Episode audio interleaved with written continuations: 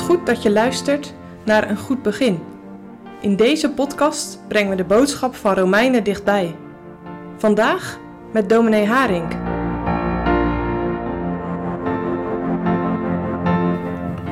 Vandaag lezen we uit Romeinen 14, de versen 13 tot en met 23. Laat ons dan elkander niet meer oordelen, maar oordeelt dit liever, namelijk dat gij de broeder geen aanstoot of ergernis geeft. Ik weet en ben verzekerd in de Heere Jezus dat geen ding onrein is in zichzelf, dan die acht iets onrein te zijn, dien is het onrein. Maar indien uw broeder om der spijze wil bedroefd wordt, zo wandelt gij niet meer naar liefde. Verderf die niet met uw spijze, voor welke Christus gestorven is, dat dan uw goed niet gelasterd worden.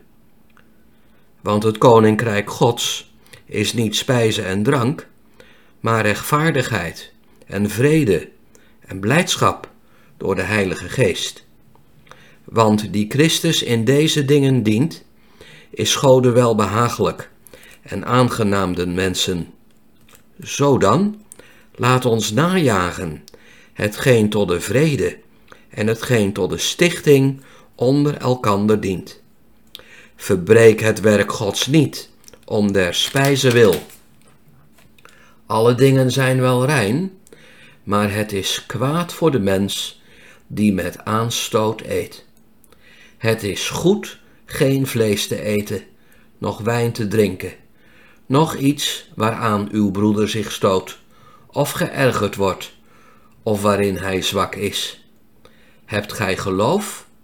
Heb dat bij uzelf voor God. Zalig is hij die zichzelf niet oordeelt in hetgeen dat hij voor goed houdt. Maar die twijfelt indien hij eet, is veroordeeld, omdat hij niet uit het geloof eet. En al wat uit het geloof niet is, dat is zonde. Houd rekening met medechristenen. Het zou ons niet veel moeite moeten kosten om dingen te laten, omdat een broeder of zuster er moeite mee heeft. Als ons uitdagend gedrag anderen in de gemeente bedroeft, dan wandelen we niet in de liefde. Want waar gaat het ten diepste om? Dat is toch de gerechtigheid en de vrede. Daar moeten we naar jagen. Laat ons najagen, hetgeen tot de vrede en hetgeen tot de stichting onder elkander dient. Vers 19. Paulus spitst het in het tweede deel van dit hoofdstuk verder toe op eet- en drinkgewoonten. Het staat een christen vrij om te eten en drinken wat hij wil. Maar als iemand beslist heeft om bepaald voedsel niet te eten en geen sterke drank te drinken, dan hebben we elkaar daarin te respecteren. Dat is wandelen in liefde. Als je bijvoorbeeld weet dat iemand geen wijntje of biertje drinkt, omdat hij er vroeger min of meer aan verslaafd was geraakt, dan bied je hem geen alcohol aan. En dan hou je het zelf ook bij een watertje of een colaatje. Je kent de zwakheid van je broeder of je zuster. Daar houd je rekening mee. Elkaar kapot maken is niet zo moeilijk. Roddel, kwaad gerucht verspreiden, halve waarheden vertellen enzovoort zijn al te vaak aanleiding tot het ruïneren van het leven van mensen. In de christelijke gemeente gaat het om het stichten van elkaar. Wat betekent dat? Je moet denken aan goede harmonie, aan eensgezindheid in de Here. Stichten is zo'n prachtig en bijbels woord. Stichten is bouwen.